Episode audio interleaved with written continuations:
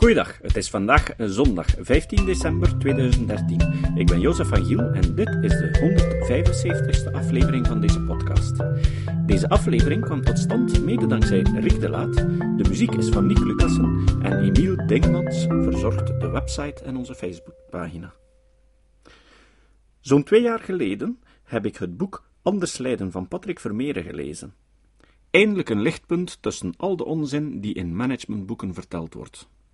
Kort daarna kwam ik Patrick Vermeeren tegen op een bijeenkomst van SCEP. We geraakten aan de paraat en het idee kwam naar boven om van dit boek een luisterboek te maken. Ik heb dat boek gedurende ongeveer een jaar ingesproken en rond april 2013 was het klaar. Toen moesten we nog een uitgever van audioboeken zoeken en zorgen dat er een contract met de uitgever van het papieren boek kwam. Uiteindelijk raakte het helemaal klaar en sinds maandag kan je dit boek downloaden via de website van Luisterrijk. Op de notitiepagina van deze aflevering vinden jullie de link. Misschien is dit nog een goed idee voor onder de kerstboom. Het groot homeopathie-debat. Welke argumenten hebben homeopaten voor hun methoden en wat is daarvan onderbouwd? Moeten we de homeopathie nu regulariseren of beter niet?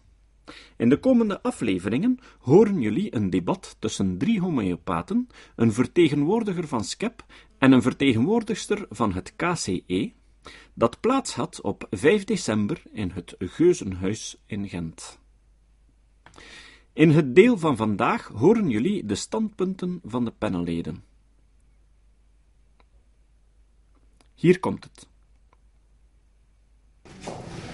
Uh, goedenavond allemaal.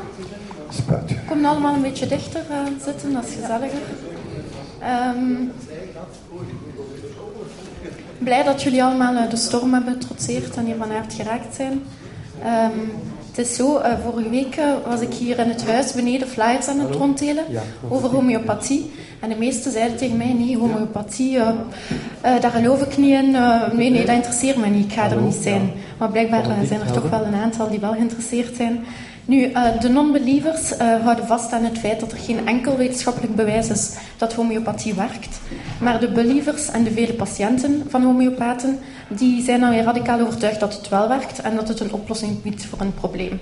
Feit is ook dat minister Onkelings een koninklijk besluit klaar heeft dat homeopathie op een bepaalde manier erkent het KB legt ook bepaalde regels vast voor de beoefenaars van homeopathie. Zo zouden voortaan enkel artsen homeopathie mogen uitvoeren, oefenen, waardoor 20% van de huidige homeopaten uit de boot valt. En moet er een opleiding gevolgd worden die geen enkele universiteit of hogeschool wil aanbieden. De meeste panelleden van vandaag um, die hebben ook deelgenomen aan de debatten in het federaal parlement uh, die voorafgegaan zijn aan het koninklijk besluit. Ik bedank hen alvast om hier vanavond aanwezig te zijn en om vanuit zijn haar persoonlijke uh, beroepspraktijk met elkaar in debat te willen gaan. Ik kan jullie niet garanderen dat de storm hier binnen ook niet zal waaien. Gelukkig hebben we Joël de Keulaar die vanavond alles uh, hier een goede baan zal leiden. Dankjewel. Goedenavond iedereen. Uh, het belooft inderdaad een, een boeiend debat te worden. We hebben elkaar zo net ontmoet, achter de schermen zal ik maar zeggen. En het zat er meteen bovenarms op, op een beschaafde manier wel te verstaan. Dus uh, het wordt zeker interessant. Ik stel de deelnemers aan u voor, van uh, links naar rechts. Dokter Jean-Luc van der Linden vertegenwoordigt het Centrum voor Klassieke Homeopathie. Is arts en homeopaat. Dat zeg ik allemaal goed. Ja, dus ja, dokter, geneesheer en homeopaat. Ja. Uh, naast hem zit Leon Schepers van de Unio Homeopathica Belgica. Ook geneesheer, arts en homeopaat. Naast hem zit mevrouw Hilde van Tuinen van de Liga Homeopathica Classica. U bent geen arts, u bent pedagoge, maar u bedrijft ook wel homeopathie. U bedrijft enkel homeopathie, maar u bent, uw basisopleiding is die van pedagogie. Goed, dat zijn uh, drie mensen die namens de, de homeopathie spreken. In het midden voor u zit uh, Anja de Somer. Anja de Somer is hier namens het Federaal Kenniscentrum voor de Gezondheidszorg, zeg maar een, ehm, een, een, een onderzoeksinstituut dat namens de federale overheid uh, onderzoekt uh, of uh, ja, wat, wat in de gezondheidszorg kosher is, wat niet, wat is evidence-based, wat niet, wat kunnen we enzovoort. De, de, die probeert met de, de, de gave des onderscheids naar het veld van de gezondheidszorg te kijken ter bewaking van de volksgezondheid. En dan, last but not least, dokter Wim Bets, huisarts, ook heel lang uh, professor huisartsen geneeskunde geweest aan de VUB. Doet u dat nog, professor? Of u bent met emeritaat, het wezen u gegund. En Wim Bets ook bekend als, ik denk, stichtend lid zelfs van SCEP, de studiekring voor de kritische evaluatie van de pseudowetenschap en het paranormale. Zo zeg ik dat volledig. En vanzelfsprekend, ja, u, u kan dat al raden, een verklaard tegenstander van de, van de homeopathie. Ik ben Joël de Keulaar, ik ben journalist bij KNAK. Uh, het uh, panel is in, in, in die zin licht onevenwichtig samengesteld, dat je zou kunnen zeggen uh, drie uh, vertegenwoordigers van de homeopathie. Maar omdat ik u volledige transparantie wil geven, zal ik zeggen dat ik zelf ook niet neutraal ben in dit debat. Uh, ik ben eerder een fellow traveler van de sceptische beweging, ben daar geen lid van, ah bon. Maar dat neemt niet weg, hè, want meneer Schepers weet dat ik uh, geen believer ben in de homeopathie. Dat neemt niet weg dat ik mijn alleruiterste best zal doen om dit debat op een correcte en neutrale manier te leiden. En u kunt achteraf uh, beslissen of dat gelukt is of niet. Um, laten we eraan beginnen. Misschien moet ik eerst een. Ik, ik zou eerst. Uh, misschien moeten we eerst de basics even uitleggen. En misschien gewoon in volgorde zoals u daar zit, en meneer. Van der Linden. Misschien moeten we eerst de vraag: wat is homeopathie? Even kort en krachtig beantwoorden. Wat is het? Um, en dan misschien daarbij aansluitend wat u er precies mee doet. Uh, wie of wat u vertegenwoordigt, want u hebt een school. U, enfin, het is te zeggen, u, u, u, werkt, u bent verbonden aan een opleiding in de homeopathie. Dus misschien moet u eerst uitleggen wat het is en we'll take it from there, zal ik maar zeggen. Wat is homeopathie? Uh, homeopathie is een uh, alternatieve manier of een complementaire manier van uh, mensen behandelen, waarbij we niet vertrekken vanuit de ziekte, maar vanuit eerder vanuit de subjectieve ervaring van de persoon en wij zien de lichamelijke klachten eerder als een expressie, als een uiting van uh, die subjectieve ervaring. We gaan daarbij zoeken naar een gepast homeopathisch middel om die expressie van die uh, verkeerdelijke interpretatie van de realiteit dan, ja,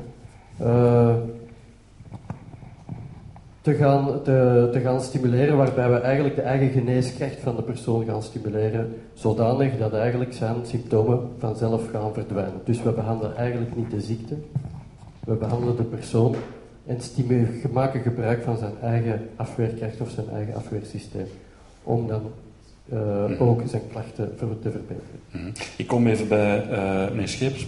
Misschien moet u daar even aan toevoegen. Die, die, die homeopathische middelen, waaruit bestaan die dan en hoe werken die? Kunt u dat de homeopathische het mechanisme even uitleggen? De bron van de homeopathische middelen uh, zijn terug te vinden in de natuur. Dat zijn uh, gewoon de middelen die bestaan. Het kunnen middelen zijn uit het plantenrijk, kunnen middelen zijn uit het mineralenrijk, kunnen middelen zijn uit het dierenrijk. Het kunnen chemische samenstellingen zijn. Het kunnen producten zijn die het gevolg zijn van een ziekteproces. Uh, dus het kunnen producten zijn uh, die, die. Het kunnen ook producten zijn van, van virussen of van bacteriën. Dus die producten die worden verdund, maar niet alleen verdund, maar ook gepotentieerd. Dus tussen elke verdunning wordt er een, een, een, een proces gedaan van schudden. Hoe werken die, die middelen? Die middelen die zijn middelen die bestaan in de natuur en wij schrijven die voor op de symptomen van de patiënt. Dus dat wil zeggen, wij behandelen geen migraine, wij behandelen geen uh, bronchitis, wij behandelen de persoon met de migraine, wij behandelen de persoon met de bronchitis. Mhm, mhm. Misschien moet u daar dan nog even aan toevoegen. Uh, mevrouw Van Tuinen, wat, hoe u weet welk middel voor welke symptomen, hoe, hoe maakt u de combinatie tussen die zieke persoon die daar voor u zit en wat u hem precies toedient? Hoe, hoe, gebeurt dat? het belangrijkste daarin is eigenlijk um, dat je ervan vertrekt dat, dat homeopathie een holistische behandelingsmethode is. En dat betekent dat we geen onderscheid maken tussen de fysieke en de emotionele of de mentale klachten van die persoon. Dus met andere woorden, elk symptoom dat een persoon vertoont, is eigenlijk een uiting van hetzelfde. Namelijk van een verstoorde levenskracht of een verstoorde weerstand, hoe dat je het ook wil noemen. Ik ga een voorbeeld geven. Bijvoorbeeld eh, een persoon die last heeft van constipatie, met andere woorden, alles vasthoudt in het lichaam op fysiek vlak, zal dat ook op mentaal-emotioneel vlak doen. Die zal met andere woorden uh, heel fel in het verleden leven, hè, moeilijk zaken kunnen loslaten, hè, langer in rouw zijn dan iemand anders enzovoort. Dus op die eigenschap die rode draad eigenlijk doorheen die mentale en fysieke symptomen, hè, maken we een samenvatting. En het is die samenvatting, die ene eigenschap, die ons leidt naar het middel dat ook diezelfde eigenschap vertoont. Maar geef dan eens een voorbeeld. Ik ben, ik ben chronisch geconstipeerd en ik, ik, wat, wat, wat, wat geeft u mij dan? Wel, ik geef u niks op die constipatie. Ik ga met u een anamnese doen. Een tweetal uur ga ik met u praten. Mm Het is te zeggen, ik ga u laten praten en ik ga u vragen stellen, waardoor ik een beeld krijg van hoe u ook op mentaal-emotioneel niveau uh, functioneert. En ik ga dan een middel zoeken dat op alle symptomen passend is. Met andere woorden, een middel dat wanneer je het aan gezonde personen zou geven, net die klachten gaat opwekken. Dus in de homeopathie bestrijden we geen klachten, we stimuleren of we prikkelen eigenlijk mhm. het zelfgenezend vermogen door namelijk die klacht eigenlijk een stuk uit te dagen dat ze zichzelf ja. ik blijf, ik blijf nog even bij, bij de homeopathie om precies te weten wat het is. Meneer Schepens, u, u sluit zich daarbij aan. Kunt u is, is, is het voor u mogelijk om te zeggen, als ik met een bepaald, hoe u beslist, als ik een bepaald klachtenpatroon heb, hoe u beslist wat u mij precies geeft? Hebt u daar handboeken voor, van die symptomen, die middelen, en hoe, hoe komt die combinatie tot stand? Nee, die combinatie komt tot stand doordat uh, Hahnemann gewoon proefondervindelijk heeft ondervonden dat kinine, uh, men wist al dat kinine goed helpt bij malaria, dat was al lang geweten, en hij is op het idee gekomen... Dan spreken we uh, 19e eeuw, een Duitse... Dan spreken we op dat moment eind 18e eeuw. Eind 18e eeuw. Dus, en dan is hij op het idee gekomen van... Wat gaat er nu gebeuren als ik als gezonde persoon kinine ga innemen? Mm -hmm. En dan is hij tot de uh, concentratie gekomen dat hij symptomen kreeg die leken op malaria. Maar hij had ook de nevenwerkingen van die kinine. En dan heeft hij gezegd, god, is misschien beter als ik die kinine verdun. Dan ga ik minder nevenwerkingen krijgen. Dat was zo. En dan is hem op het idee gekomen om tussen elke verdunning te schudden. Mhm. En dan kreeg hem nog minder nevenwerkingen. En dus het kinine is gekend als middel wat malaria kan uh, genezen. Mhm. Ook in de klassieke geneeskunde uh, is dat gekend. Mm dus in de homeopathie is het een van de grootste middelen nog steeds die het, ziektebeeld van malaria eigenlijk mhm. naar voren brengen als je het test op gezonde personen. Mhm. Dus als een gezonde persoon kinine homeopathisch verdund inneemt, dat noemen wij een geneesmiddeltest, een, een proving. Dan kan het zijn dat hij symptomen ontwikkelt die mhm. heel erg lijken op malaria. Dus als wij dan bij de patiënt symptomen zien die wijzen in die richting, dat kan bijvoorbeeld bij koorts zijn, kan bij een kind zijn. Dus gina, kinine, is een groot koortsmiddel. En wij vinden symptomen terug die passen bij het geneesmiddelenbeeld van China. Dan geven wij dat aan de persoon die bij ons komt mhm. met die bepaalde koorts. Ja. Meneer Van der Linden, nog even bij u om, om, dit hoofdstukje alvast af te sluiten. Bestaat daar, uh, laten we zeggen, een, een, bestaat er in de homeopathie een robuuste literatuur die, die, waarbij, waarbij alle beoefenaars het eens zijn over die symptomen, is dat middel enzovoort? Is dat, of of uh, moet elke beoefenaar op zijn intuïtie en zijn uh, persoonlijke ervaring werken? Of, of kun je spreken van een, een, een, een robuust systeem dat overal op dezelfde wijze, als ik in Canada naar een homeopaat ga morgen en overmorgen in Servië met dezelfde symptomen, krijg ik dan dezelfde behandeling? Uh, wat, wat klassieke homeopathie betreft wel. Dus we hebben het hier vooral over de klassieke homeopathie, omdat er ook een vorm bestaat die naar model van de, klassie, naar de conventionele geneeskunde eigenlijk middelen gaat gebruiken voor, ziektes. Hè. Terwijl we eigenlijk meer in de klassieke homeopathie de persoon gaan behandelen. Maar er is een uitgebreide, absoluut uitgebreide materia medica. Uh, homeopathie studeren is een studie voor het leven, zeggen we altijd. Ja, er zijn boeken zat uh, om al die symptomen te gaan bekijken en vanuit de toxicologie, vanuit de klassieke uh, richtingen aan de universiteit, toxicologie, bijvoorbeeld Mercurius Quick, als men de materia medica naleest, of van, van kinine, wat er juist verteld is, dan kan men in die materia medica inderdaad al die symptomen zien.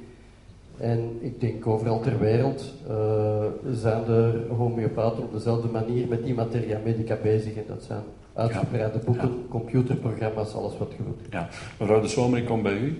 Uh, dus het Federaal Kenniscentrum voor de Gezondheidszorg heeft uh, een advies uitgebracht aan de minister, mag ik dat zo zeggen, heeft homeopathie bestudeerd. En tot welke conclusie is, het, is dat, bent u gekomen? Wel, binnen het kader van dat rapport hebben we eigenlijk gekeken naar de klinische uitkomstmaten. Dus wat de drie homeopaten nu hebben eigenlijk verteld, is eigenlijk het hele mechanisme achter de homeopathie. We hebben dat mechanisme eigenlijk een beetje aan de kant geschoven en we hebben eigenlijk gekeken in de studies van wat is nu het effect naar de patiënten toe. Heeft de patiënt minder pijn, minder constipatie en dergelijke en zo. En we hebben eigenlijk een, een overview, van een, een overzicht van alle literatuurstudies dat er zijn gemaakt. En eigenlijk hebben we gevonden dat er geen, geen effect eigenlijk is. Of dat het effect even groot is als het placebo-effect. Maar die, die, literatuurstudie is maar een deel van, de hele, van het hele rapport dat wij gemaakt hebben. Mhm. En die literatuurstudie, welke, welke literatuur hebt u dan precies onderzocht? Welke artikelen of, of wat hebt u precies onderzocht? Uh, dat zijn voornamelijk um, de term is eigenlijk een systematic review. Dus dat zijn eigenlijk literatuuroverzichten. Elke literatuuroverzicht gaat een verzameling maken van uh, primaire studies rond een bepaalde aandoening of een bepaalde klacht of dergelijke. En we hebben een overzicht gemaakt van al deze overzichten. Maar verschijnen, verschijnen in de wetenschappelijke vakbladen uh, experimenten met homeopathische middelen, die verschijnen regelmatig. Ja, dus eigenlijk de definitie van een systematic review is dat de zoekstrategie in de medische literatuur op een heel gestandaardiseerde, transparante manier moet gebeuren. Mm dat ook de selectie van artikels met duidelijke criteria moet gebeuren. Um, dat er ook een critical appraisal, dus een kritische beoordeling van elke studie moet gebeuren. Dus er zijn mhm. verschillende stappen die ervoor maken um, wanneer je kan spreken van een systematische review. Maar dat zorgt er dan wel voor dat je conclusies van die systematische review ook betrouwbaar zijn, uh, voor herhaling mm vatbaar zijn en dergelijke. Dus uh, die conclusie heeft veel meer waarde dan uh, een conclusie gebaseerd op een studie die ja, en uw, conclu uw, conclusie is dus, homeopathie werkt wel degelijk, maar niet beter dan een placebo. Ja. Daar komt het op neer. Ja. want misschien om de begripsverwarring even uit te sluiten, ik denk niet dat er iemand is, professor Bets, dan kom ik even bij u. Ik neem aan dat er niemand is die betwist dat homeopathie werkt. Soms bij bepaalde patiënten met bepaalde klachten, of, of vergis ik me nu volledig? Dan zou moeten even definiëren wat we bedoelen met werken. Mm wij bedoelen met werken als het meer doet dan placebo. Mm Ah, oké. Ja. Een placebo werkt dus niet. Placebo-werking is een beetje een rare term dan. Nee, placebo is beïnvloeding. Mm En dat kun je op heel veel manieren doen. Door een rituaal, door uh, een exorcisme, noem maar op. Of gewoon door geruststelling. Placebo, dat kan iedereen. Mhm. Als het meer doet dan een placebo, dan spreken we over een werking. Mhm. En dus dan komt u tot de conclusie of dat homeopathie niet werkt? Uh, dat is mijn persoonlijke conclusie niet. Hè. Mhm. Ik denk dat zowat alles wat bestaat aan wetenschappelijke instanties uh, unaniem zegt homeopathie doet niet meer dan placebo. Ik som maar even op. Het kenniscentrum alle acht Belgische universiteiten, de Koninklijke Academie voor Geneeskunde, uh, trouwens ook de parlementaire commissie in Engeland. Is, is, er een andere microfoon voor professor Betts? Want die is heel onaangenaam. Hè? Ah, oké. Okay. Mag ik u helpen daarbij? Of... Ja, ik had hem afgedaan omdat ik een verkoudheid heb en ik wou niet de hele tijd hoesten in dat ding. Ah, oké. Uh, nu staat hij wel heel hard, denk ik. Hè? Maar dus u bent dan ah, okay. het Federaal Kenniscentrum, acht universiteiten, Koninklijke ja. Academie voor Geneeskunde. Dus, uh, men probeert het soms te zeggen dat dat mijn persoonlijke opinie zou zijn. Mm -hmm. uh, tenzij dat er een enorm complot is, wat sommige homeopaten zeggen, mm -hmm. is dus de hele wetenschappelijke wereld uh, ja. zegt het doet niet meer dan placebo. Het is een leuke illusie verkopen. Mm -hmm. Nu, ik weet de homeopaten zeggen dat dat niet waar is. Uh, zij zeggen, maar wij hebben wel bewijzen. Ik heb vijf jaar lang in een Europese commissie gezeten in het EU-COSB4-programma, waar we met homeopaten uit twaalf verschillende landen vergaderd hebben. En wij hebben hen overtuigd dat hun bewijzen niet volstaan als bewijs. Maar blijkbaar zijn ze het direct daarna vergeten, want ze komen dus met dezelfde oude koeien die we lang in de kracht hadden gegooid, halen ze altijd weer terug boven.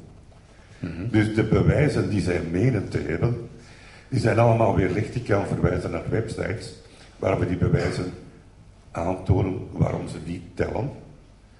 En wat mij dan wel ergert is dat ze dan dikwijls als er voor een publiek gesproken wordt of voor tv, dan komen ze met getuigenissen. En als er nu iets oneerlijker is, als er één manier is om echt terug naar de duistere middeleeuwen te gaan, dan moet je komen getuigen van iemand, toen dat madameke naar mijn koek kreeg, gaf ze zure melk. En wel, dat is ook niks waard. Dus als iemand zegt, oh ik had veel miserie, dan ben ik naar dokter Ploep Ploep geweest en ik ben nu genezen. Dat is geen bewijs voor mm Maar dus u bent formeel in de, laten we zeggen, in, in de wetenschappelijke wereld, hè, dus de academische wereld, uh, Koninklijke Academie voor Geneeskunde, uh, kenniscentrum en zo verder, een, een, een, serieuze wetenschappelijke dissidentie over dat standpunt over homeopathie is er eigenlijk niet. En unanimiteit, het is niet meer dan placebo. Ja, unanimiteit is niet meer kan, dan placebo. kan ze nut hebben, hè? dat betwijfel ik niet. Daar moeten we misschien straks, uh, straks op terugkomen. Misschien, misschien eerst even, ja, uh, dokter Van der Linden. Van, ja, Zo, volgende week horen jullie wat Joël aan dokter Van der Linden wil vragen. Het citaat. Het citaat van vandaag komt van Daniel Kahneman. Kahneman is een psycholoog dat samen met Amos Tversky in de jaren 60 en 70 enkele belangrijke doorbraken realiseerde in onze inzichten in het menselijk denken en gedrag. Voor hun prospecttheorie kreeg Kahneman de Nobelprijs voor Economie. Kahneman en Tversky zijn de meest geciteerde wetenschappers in peer-reviewed artikelen in de sociale wetenschappen. Kahneman zei over het algemeen zijn we te zelfverzekerd over onze opinies, onze indrukken en ons oordeel. Tot de volgende keer. Dit was de podcast Kritisch Denken. Vergeet niet om alles kritisch te behandelen, ook deze podcast. Voor verdere informatie over deze podcast, links en voor de tekst, surf naar www.kritischdenken.info. Als je deze podcast belangrijk vindt, kun je me steunen door anderen warm te maken ook eens te luisteren. Stuur een e-mail naar vrienden met een link naar de website en plaats de link in de handtekening van je e-mails. Tevens kun je op iTunes deze podcast een beoordeling geven of een recensie schrijven. Of je kan op je eigen website of blog een link naar kritisch denken plaatsen.